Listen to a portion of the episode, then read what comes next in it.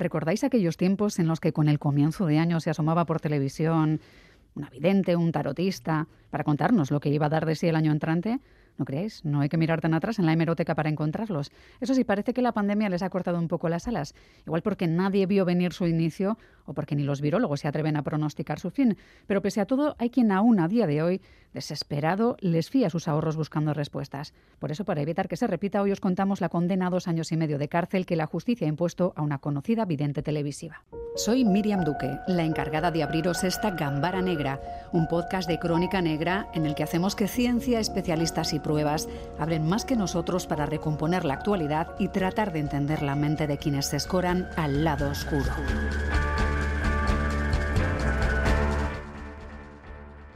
¿Sabéis quién soy? Pepita Villayonga. Eso es, Pepita Villayonga ha sido condenada por estafar más de 31.000 euros a una mujer que acudió a su consultoría en busca de ayuda. La víctima asegura que pasaba por muy mal momento, que estaba en un agujero y que se aprovecharon. Una historia dolorosa que nos resume Maya Lengalparsoro. Vidente, tarotista, pitonisa y ahora también estafadora. ¿Sabéis quién soy? Pepita Villayonga. La audiencia de Barcelona la ha condenado a dos años y medio de prisión por estafar más de 30.000 euros a una mujer que pasaba por un mal momento personal y acudió a su consultorio en busca de ayuda.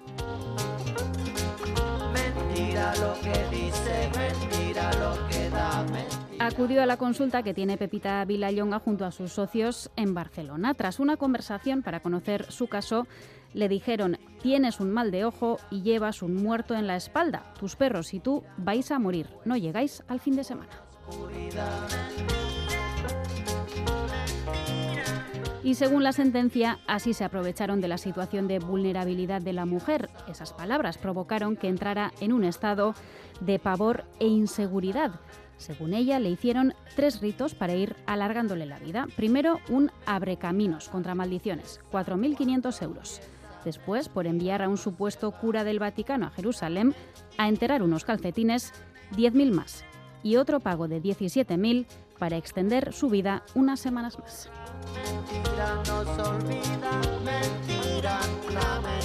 Vilayonga negó en el juicio haber echado las cartas a esta mujer. Dijo que no la conocía, que sí cobró algo, pero no directamente de ella. ¿Usted sí cobró algo de ella? Por supuesto, señorita. ¿Usted trabaja gratis? No, como dice que no la conoce. No, no, yo no la cobré. Cobró la empresa. Añadió que todo aquello no hacía más que perjudicarla y manchar su reputación.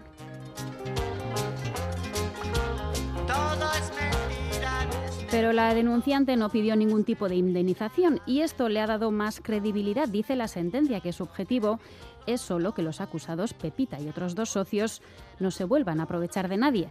Y parece que de momento no lo harán. Pepita Vilayonga ha quedado inhabilitada para toda actividad referida al esoterismo durante dos años y medio.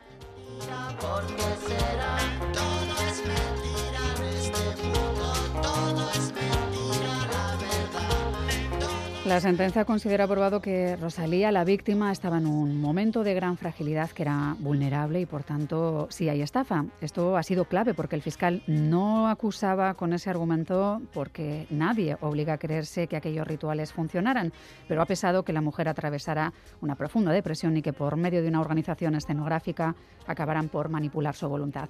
Nos acompaña aquí en eh, Gambara Negra Alberto Mondragón. Le pueden encontrar en la web denuncioestafa.com. Son expertos en la lucha y detección de estafas y estafadores, principalmente online. Alberto, ¿qué tal? ¿Cómo estás? Hola, buenas. Bueno, lideras eh, un equipo del que forman parte de más de 20 abogados que habéis resuelto muchos casos, sobre todo de este tipo, casos como el de esta vidente o supuesta vidente Pepita. Efectivamente, hemos resuelto muchos pero tenemos muchos más todavía por resolver y muchos entiendo que nos llegarán, porque esto está a la orden del día. Cada día hay más timos y más estafas relacionadas con la evidencia. Claro, es eh, complicado. Vamos a tratar de explicarlo punto por punto. Rosalía es una de las personas que denunciaba, pero entiendo que tenéis más denuncias contra la misma supuesta evidente. ¿eh? Tuvimos, tuvimos, eh, una se archivó y otras entendemos que volverán otra vez a, a presentarse, porque incluso no se llegó ni a denunciar tan siquiera. Pero entendemos que con esta sentencia que se ha obtenido nos va a dar vía a, a poder presentar las otras que se quedaron ahí. ¿En algún momento, Alberto, has hablado con Rosalía? Sí, muy a menudo. ¿Y cómo se encuentra ella ahora? Ahora está, está bastante contenta, está tranquila porque se ha hecho justicia y pues porque, claro, quedarte con esa indefensión, con esa rabia de que te hayan no solamente tomado el pelo, sino también robado el dinero para, para nada y encima con bajo engaños, pues fíjate qué rabia, que cómo nos podemos sentir ¿no? cuando, cuando nos pasa esto. Es verdad que en este caso hablamos de unos 31.000 euros. Eh, no sé si sabéis cuánto dinero han pagado a Pepita o a su equipo, a su empresa, como ella decía, ¿no? que ya no cobra, que cobra su empresa, el resto de personas que tienen interpuestas denuncias. Yo tengo constancia y tengo, según in- las informaciones que me han llegado, por lo que me han- a mí me han dicho, a lo que me, a mí me han trasladado, hay una persona que le ha podido eh, cobrar hasta 300.000 euros. Con un modus operandi similar. Muy similar. O sea que prevén tu muerte y, y tratan sí, de pagarlo. bueno, lo que juegan es con la sugestión, con esos momentos de debilidad que tienes, eh, pues porque hay situaciones que la medicina no la cura y te sujetas a creencias, a falsas creencias, o que simplemente eh, se te anuncian en, televisión o en internet y si estás pasando por un momento delicado, dices, bueno, pues vamos a probar. Y es cuando esta gente, que son, estos son charlatanes, son especialistas en llevarte por donde ellos quieren, pues juega- juegan con tu psicología, con ese momento, para sacarte el dinero. Que ellos mismos saben que todo lo que te están ofreciendo es una burla, es mentira. Claro, porque en el caso que escuchábamos, por ejemplo, hablaban de, de cuestiones como que no llegas a la semana, vas a morir, van a morir tus perros, que entiendo que forman parte casi de la familia de esa mujer, ¿no? Efectivamente. pero juegan con, con la sensación de que se acaba, que todo se acaba si no pones remedio, ¿no? Efectivamente. Juegan con el miedo y, con, y, y sugestionarte para que tú cedas voluntariamente a las peticiones de ellos. El fiscal decía que nadie te obliga a, a pagar, ¿no? que, que, claro, tú eres un- una persona capaz de, de discernir. En este caso, claro, se consigue una condena porque hay una interpretación, una suerte de teatralización en, en torno a, a la vidente y todo parece encajar, ¿no? Es una suerte de parecen diferentes timos, ¿no? Y, fíjate qué teatro, Mm. que nos traen la figura de un padre, el padre Giorgio, Mm. que supuestamente viene del Vaticano, pero esta práctica es habitual, o sea, en este caso porque se ha dado a conocer, pero a mí me llegan muchos casos de videntes que utilizan la, la iglesia, eh, lo que es la figura de la iglesia, para inducir miedo, inducir temor. Mm. Incluso utilizan eh, términos en sus páginas web como el seminario e Magister del Vaticano, el, siempre eh, asociadas a figuras que, que, digamos, que dan temor, que dan miedo, ¿no? Como que esto viene desde una ente mucho más allá, ¿no? Utilizan, pues eso, ese, ese sentido, pues para que tú te lo tomes en serio, eh, temas por las, por las represalias o te dicen simplemente que te van a hacer un trabajo, un trabajo negativo, pues para que, para que aceptes a, Abrirte que- un camino, ¿no? Como Esa- mencionaban, por ejemplo. Exactamente. Vamos a sumar a una voz, pero me gustaría, Alberto, también que nos contaras cómo de complicado es conseguir una condena contra un vidente o, una persona de este cariz, que entiendo que entroncan también tarotistas o cualquier persona que, A ver, que es- pida dinero por leerte el futuro o por cambiártelo, ¿no? es, es, o sea, es complicado relativamente. Aquí siempre hemos dicho que en el momento de que existe una dependencia hacia el vidente hay un delito. Si tú pagas un servicio, pagas un servicio porque te echan las cartas, por ejemplo, y te han cobrado 300 euros, no es un delito, es un servicio. que Claro, tú has me lo dices, yo acepto si, Claro, pero si en el pago momento de que hay una dependencia, por ejemplo, con el tema de los amarres de amor, en el momento que hay una dependencia de- del, del cliente hacia el vidente, el vidente le dice, no, es que hay que hacer otros trabajos, hay que poner nuevos materiales, es que si no lo haces, y hay veces que si no cedes, se puede convertir en un delito incluso de extorsión, porque el propio vidente te dice, oye, le voy a decir a la otra parte que le estás haciendo un trabajo de amor, un amarre de amor, o me sigues pagando o se entera la otra parte. O sea, que ya empiezan un poco a supo- Y esto es muy, desarrollar muy, otro muy tipo de habitual, ¿eh? delitos, ¿no? Es muy habitual. Entonces Ajá. es lo primero que debemos hacer siempre, como no vamos a obtener ningún tipo de factura, es de- denunciar directamente a- a- a la hacienda- ante la hacienda pública. Después presentar una denuncia por estafa, incluso por extorsión si se da el caso. Para eso nosotros decimos a la gente es conveniente que se ponga en contacto con nosotros para valorar la posibilidad de, éxito en un procedimiento de, estas características. Claro, Alberto, porque en este caso, a pesar de la condena a Pepita Vilayonga por el caso de, Rosalía, en principio no va a recuperar el dinero perdido, o no todo, porque claro, de prácticamente ninguno de los pagos hay un resguardo o algo que que evidencie ¿no? que efectivamente hubo un pago por un trabajo, o mm, como llamen a los amarres. Sí, pero hay forma de demostrar porque esta señora, por ejemplo, sacó 30.000 euros de golpe una mañana en el banco. ya. ¿Quién saca 30.000 euros de golpe? Y, está denunciando los hechos que ha pasado con un gabinete de, evidencia, con, en este caso con una, mm. con una tarotista, ¿no? una evidente. Carlos Basas es otra de las voces habituales del programa. Él es escritor, está especializado en novela negra y queremos también escuchar su voz. Carlos, ¿qué tal? ¿Cómo estás? Hola, muy bien. Es curioso, en principio, vista desde fuera, lo poco carismática que parece Pepita, vista desde la distancia, no parece ser una persona capaz de envolvernos con una narrativa esotérica o con una capacidad así de, generar magnetismo, magnetismo. No sé si has tenido esa sensación también al observar un poco cómo habla, cómo se maneja y cómo es. Bueno, eh, suele ser habitual, ¿no? ¿no? solo en este tipo de, casos, sino en, otros casos criminales, ¿no? Es decir, una vez eh, ha sido descubierto tu ardid, eh, te demuestras tal como eres, porque eh, en el fondo ya no tienes poder psicológico alguno sobre la gente que te juzga o la gente que te rodea, ¿no?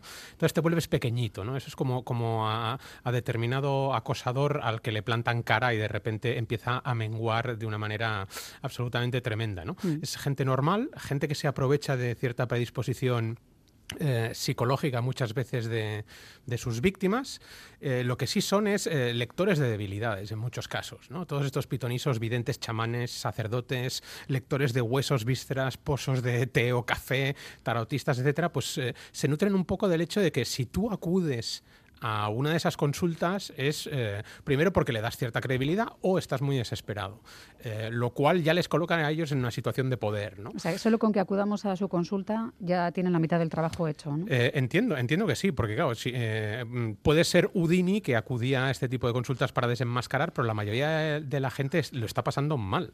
Lo está pasando mm. mal, ha recurrido a mil y una historias, nada le ha funcionado y acaba muchas veces en, ese tipo de de, locales. Por tanto, es la desesperación lo que hace que confiemos en una persona así, no su, su imagen, ni, ni, su estilo, ni su profesionalidad, y lo digo entre comillas, ¿eh? que se me mm, entienda bien. Ya sabes que cuando, cuando estás sufriendo, cuando estás desesperado, cuando eh, estás angustiado mm, y buscas ayuda, mm, no te fijas en, ese tipo de detalles, no te fijas en si la persona que está delante de ti o no te está timando. ¿no? Muchas veces la gente dice, pero, pero ¿cómo se pueden creer determinadas cosas? Tienes que llegar en un estado emocional eh, y psicológico determinado. Y si estás ya en ese estado, eh, te aseguro que eh, pues eh, caes, caes en, todo tipo de tretas y trampas. No olvidemos que grandes estadistas de la historia han acudido a magos, tarotistas y gente de, de, este calado. Algunos expresidentes de comunidades autónomas muy conocidos mm. de España incluidos. Bueno, no, sé, no sabemos si a ver cómo era su futuro profesional o a por amarres de amor. En todo caso, es verdad que no hacen un buen favor al resto. Sí, a, ese a, ese presidente en concreto no, no, le vieron que en el futuro ingresaría casi en la cárcel. sí, no, no, no, lo vieron venir. Alberto, entiendo que esto que menciona Carlos es uno de los problemas eh, que se tienen después de que a alguien le han estafado o le han quitado todo ese dinero. ¿Cómo decirle al mundo? Que una persona que tiene un aspecto, bueno, pues que no implica que tenga una gran profesionalidad en, la evidencia o en el tarot, ha conseguido que le des todo el dinero, ¿no? Sin, sin, sacar un arma, sin obligarte físicamente, ¿no? Y eso hace que mucha gente no lo diga y tal vez lo diga ahora después de esta condena, ¿no? Sí, eh, normalmente la gente se calla por vergüenza. Mm sobre todo por vergüenza. Hay veces que se ponen en contacto conmigo y dicen, no, es que señor Mondragón, es que me ha pasado esto. Digo, no te preocupes, es que yo estoy acostumbrado a escuchar esto todos los días. Es que no quiero la policía, es que se van a reír de mí. Perdona, las fuerzas de seguridad del Estado te van a ayudar. Yo siempre he dicho, mm, siempre he dirigido, sobre todo a la gente del País Vasco, a la Archancha. La Archancha es un grupo magnífico que te atienda, te atiende maravillosamente y no se te van a reír por decir que te ha estafado una evidente o que piensas que te han tomado el pelo con el tema de la evidencia. Al revés, están ahí para, para escucharte. Entonces es muy fácil eh, denunciar. Siempre hay que denunciarlo. Y, y, y sí, vamos, eh, la gente lo que tiene realmente es vergüenza. Hmm.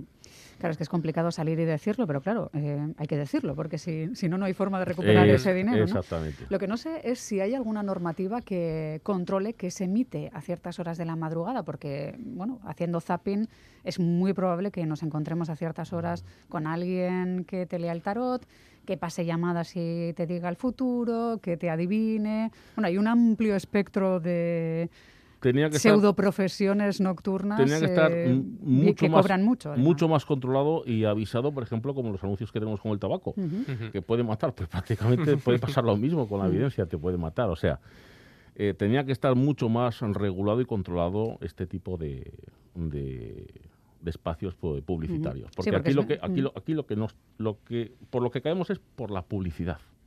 Sobre todo por la publicidad, porque nos lo venden todo como algo maravilloso. Un- Ujú. un, un- un trabajo de ensueño, no vas a tener problemas, te lo vamos a solucionar. Todo es la publicidad, porque las videncias y los videntes de siempre, antes de que apareciera la publicidad de Internet, iban de boca a boca. O sea, cuando tú conocías un vidente porque tu amiga o, o un familiar te había dicho que le ha ayudado esta vidente, pues es cuando se iban a conocer y se valoraban cuál era buena y cuál no era. ¿no? Pero ahora con Internet, como todos son maravillosos y la publicidad y la prensa digital les ayuda muchísimo, pues da que se cometan muchísimas más estafas de lo que antes se, se cometían. Hasta no hace tanto, no sé, Carlos, si a ti te ha pasado, era más o menos habitual que te entregaran, pues al subir o bajar al metro, por ejemplo, un papelito con promoción de este tipo de, Sí, y- y de de- servicios, que no voy a dar más datos porque no quiero promocionarlo, Sí, de- sino de todo san- lo contrario. De santones que prometían solucionar eh, tu vida íntima eh, con Mm. unos polvos, vete a saber cómo. En fin, que el mundo es complicado y entiendo, Alberto, que estáis recibiendo más alertas o, o más denuncias eh, en tiempos como este. No sé si a través de denunciastafa.com o directamente Sí, porque sí. ya eres una persona conocida en estos ámbitos. Sí. Pero claro, cuando hay incertidumbre, cuando hay problemas, hemos vivido una pandemia y seguimos en ella, entiendo que somos mal- más vulnerables, ¿no? Totalmente, totalmente porque tenemos más tiempo para fijarnos en estas cosas que muchas veces no te fijas. ¿Y pasa siempre con gente de cierta edad o nadie está sujeto a esto? Porque a veces cuando hablamos de lo que ocurre o los eh, elementos que utilizan las sectas para captarnos, descubrimos que no tiene por qué ser gente de pocos recursos, de pocos estudios, de mucha edad, que cualquiera en un momento determinado puede ser presa de este tipo de situaciones. ¿También en esto? Sí, no hay un prototipo de persona, puede caer cualquiera, sobre todo si tienes un momento de debilidad. Ahí es cuando es más fácil que caigas en, un ti- en una estafa, en un timo de estas características. Sí, hay, hay- hay gente que muchas veces se pregunta cómo es posible, ¿no? Eh, os doy un dato que igual se aleja un, un poquito de esto, pero uno, una de las eh, maneras de control más atroces eh, dentro de lo que es la trata sexual es el vudú. Y las, eh, eh, mm, eh, las mujeres de- eh, víctimas de trata nigerianas, africanas, etcétera, siguen siendo controladas en gran medida por, por los eh, por, por la- los proxenetas mediante el vudú. Para que te hagas una idea ¿no? del nivel de, cre- de credulidad que hay, no solo en este tipo de cosas, sino en muchas más eh, a nivel planetario. ¿eh? No, no tiene nada que ver ni con la clase social, ni con la educación, ni con nivel de estudios, ni nada. Tiene más que ver con lo que comentábamos, ¿no? Pues un momento de desesperación, por un lado, o eh, el, el hecho de que eh, tú asocies que has ido en una ocasión a un vidente de este tipo y luego, por lo que sea, ha coincidido que tus finanzas, por ejemplo, han mejorado. Por probabilidad, eso es Sí. un poco como el horóscopo, por probabilidad en, en tu vida en algún momento atinará, pero Sí, claro, te arriesgas. Y, los Mm. hay, los hay verdaderamente, como yo digo, hay, hay lectores de, de almas verdaderamente expertos, ¿no? Eh, algunos se dedican a luchar contra el mal, es decir, perfilan criminales, otros se dedican a utilizar eh, ese don eh, de una manera absolutamente torticera. Carlos, ahora se está poniendo mucho, mu- o sea, perdona, se está poniendo muy de moda la religión yoruba. La religión yoruba eh, viene todo a través de ritos, eh, eh, ritos a través de huesos humanos, es, de, de cementerios. De hecho, eh, nos han llegado incluso algunas, algunas denuncias por profanaciones de tumbas, por ejemplo, en Valencia, donde estos eh, tatas, estas yayas, pues eh, buscan materiales. De, de hecho, tenemos también algunos vídeos de una, de una bruja que se llama Mónica de, de Valencia, que se de- dedica a entrar en los cementerios de Valencia. Graba sus vídeos diciendo que viene a buscar materiales, por ejemplo. Fotos donde coge tierra de ataúdes que han desenterrado. O sea, hay una. Ahora se está poniendo tan de moda la religión yaruba que es que da hasta miedo, porque mm, eso es va mucho más allá. Es una religión, al fin y al cabo, que está reconocida como religión, pero aprovechando de la religión se están cometiendo estafas mucho mayores, porque además es que los, los importes cobrados por amarres de amor, endulzamientos o, o caminos son muy superiores a lo, a lo que estamos acostumbrados a ver habitualmente. ¿De cuánto podríamos estar hablando? 8, 10, 12, 15 mil euros perfectamente. 15.000 euros por un amarre de amor. ¿o? Sí, sí, sí, sí, sí, Claro, entonces entiendo que cuando es para salvar tu vida ya ni te cuento lo que te pueden llegar a pedir. Imagínate que un amarre de amor, en lo que es un, altar de un amarre de amor, pues unas rosas, un poco de vino y demás. Aquí no, aquí son calaveras, animales degollados, eh, velas encendidas, eh, sangre, cruces al revés. O sea... Sí, toda una, toda una parafernalia de película. Totalmente. Y, y la verdad es que la gente se muere de miedo con estas cosas. Lo cual no me extraña. ¿eh? bueno, pues eh, hoy estamos hablando de evidentes y de, otras fórmulas. Eh, vamos a abrir un paréntesis para pasar a basado en hechos reales.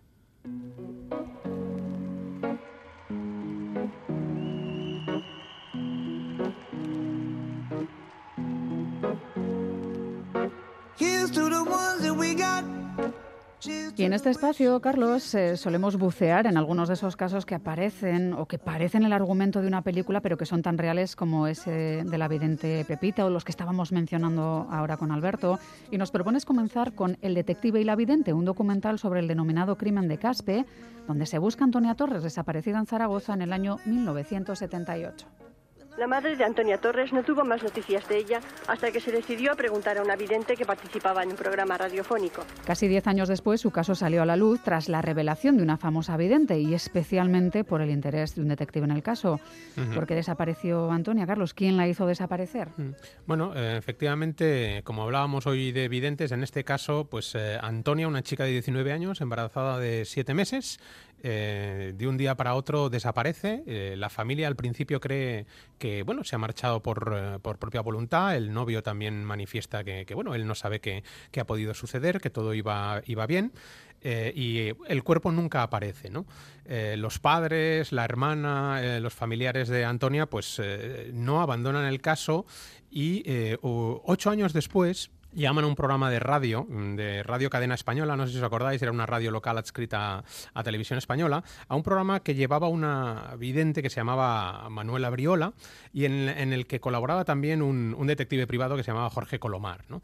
Eh, llaman preguntando, pues eh, ya desesperados, eh, mm, sobre el caso de su hija, si la vidente puede saber algo o puede intuir algo, les puede decir algo acerca del paradero de Antonia. ¿no? Lo único que dice la, la vidente en este caso es que siente un escalofrío y que afirma que ella está muerta. ¿no?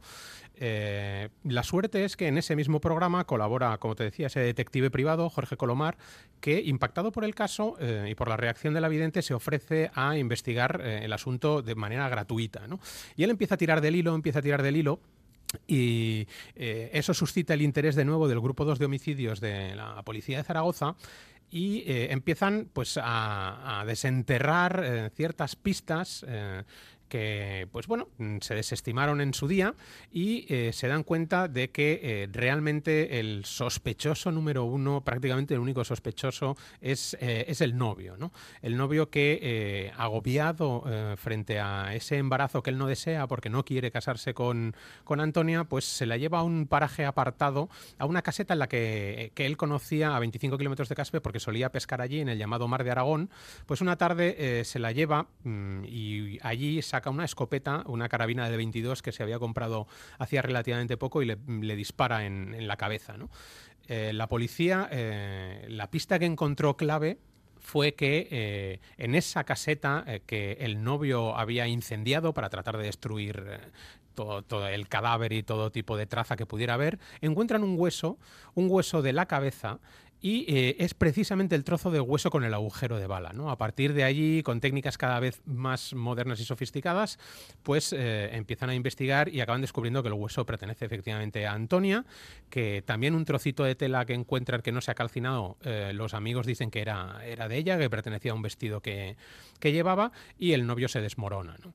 Y años después, pues confiesa efectivamente que lo que pasó fue, fue eso, que, que él no quería casarse, que estaba agobiado porque ella le, le presionaba y pues la llevó a esa caseta y le, disparó. ¿no? Entiendo que eh, fue condenado. ¿no? Sí, fue condenado a más de 20 años de, prisión Y, bueno, eh, es, es, un caso en el que efectivamente hay Un involucrada una, una vidente. La vidente, lo el único papel que tuvo en este caso es dar a conocer en la radio eh, pues la figura de Antonia Torres y, y afirmar con ese escalofrío que estaba muerto. ¿no? Eso fue Mm. lo que realmente precipitó. No es que ella señalara eh, nada en concreto, tan solo eh, pues aplicó la posible lógica de que una chica desaparecida durante tanto tiempo pues hubiera, si, hubiera fallecido. ¿no? Sí. Ni siquiera llegó a decir que había sufrido una muerte violenta, tan solo que estaba muerta. Claro, el caso de que haya videntes colaborando en esclarecimiento de crímenes es algo que hemos visto mucho en series y películas norteamericanas. Y sucede en la realidad también. Sucede ¿eh? en la realidad. Eh, aquí en otros momentos eh, sí, pero entiendo que no fue algo tan, tan habitual, ¿no? No, No, bueno. eh, no pasó de eh, casos como este, digamos. Sí, piensa que la, la- la familia en un momento de desesperación, si la investigación policial no, no encuentra ningún, ninguna prueba forense, eh, no sabe por dónde tirar, pues la, la familia acaba acudiendo a, a agarrándose a un clavo ardiendo. ¿no? Hombre, la desesperación y el miedo prueban- mueven montañas también. Sí, ¿no? lo que decíamos, prueban absolutamente todo. En algunos casos son videntes los que eh, se ofrecen de manera eh, desinteresada y supuestamente altruista, ¿no? Es decir, supongo que en busca de publicidad para Claro. su negocio o su figura, pero otros sí directamente se ponen en contacto con la policía con la o con la familia y piden un, un pago, ¿no? Por la, la información que dicen tener. Alberto, ¿has tenido alguna notificación de este tipo de videntes que se ofrecen a Eh, participar en resolución de, de crímenes? Sí, sí. De hecho, es- este tipo de videntes no se anuncian en Internet ni en televisión. Son incluso difíciles de encontrar. Pero sí que hay gente que tiene un sexto sentido, una sensibilidad especial. De hecho, lo podemos ver muchas veces en los programas como Cuarto Milenio y demás, eh, eh, profesionales que se dedican a esto. Sí que existe gente con este tipo de sensibilidades, pero son difíciles de encontrar.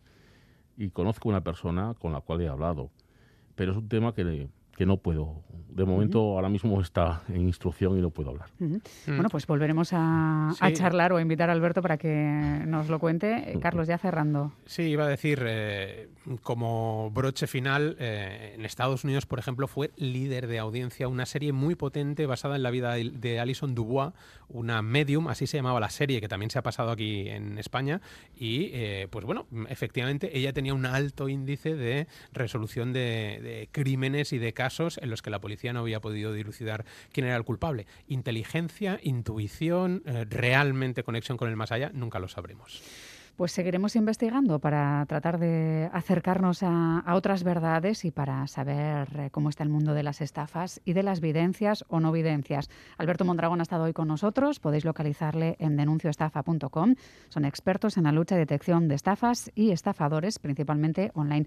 Ha sido un placer tenerte por aquí, Alberto. Y yo de estar con vosotros esta, Carlos, a ti hasta la próxima también. ¿eh? Cuídate mucho. Hasta luego. Agur. Agur.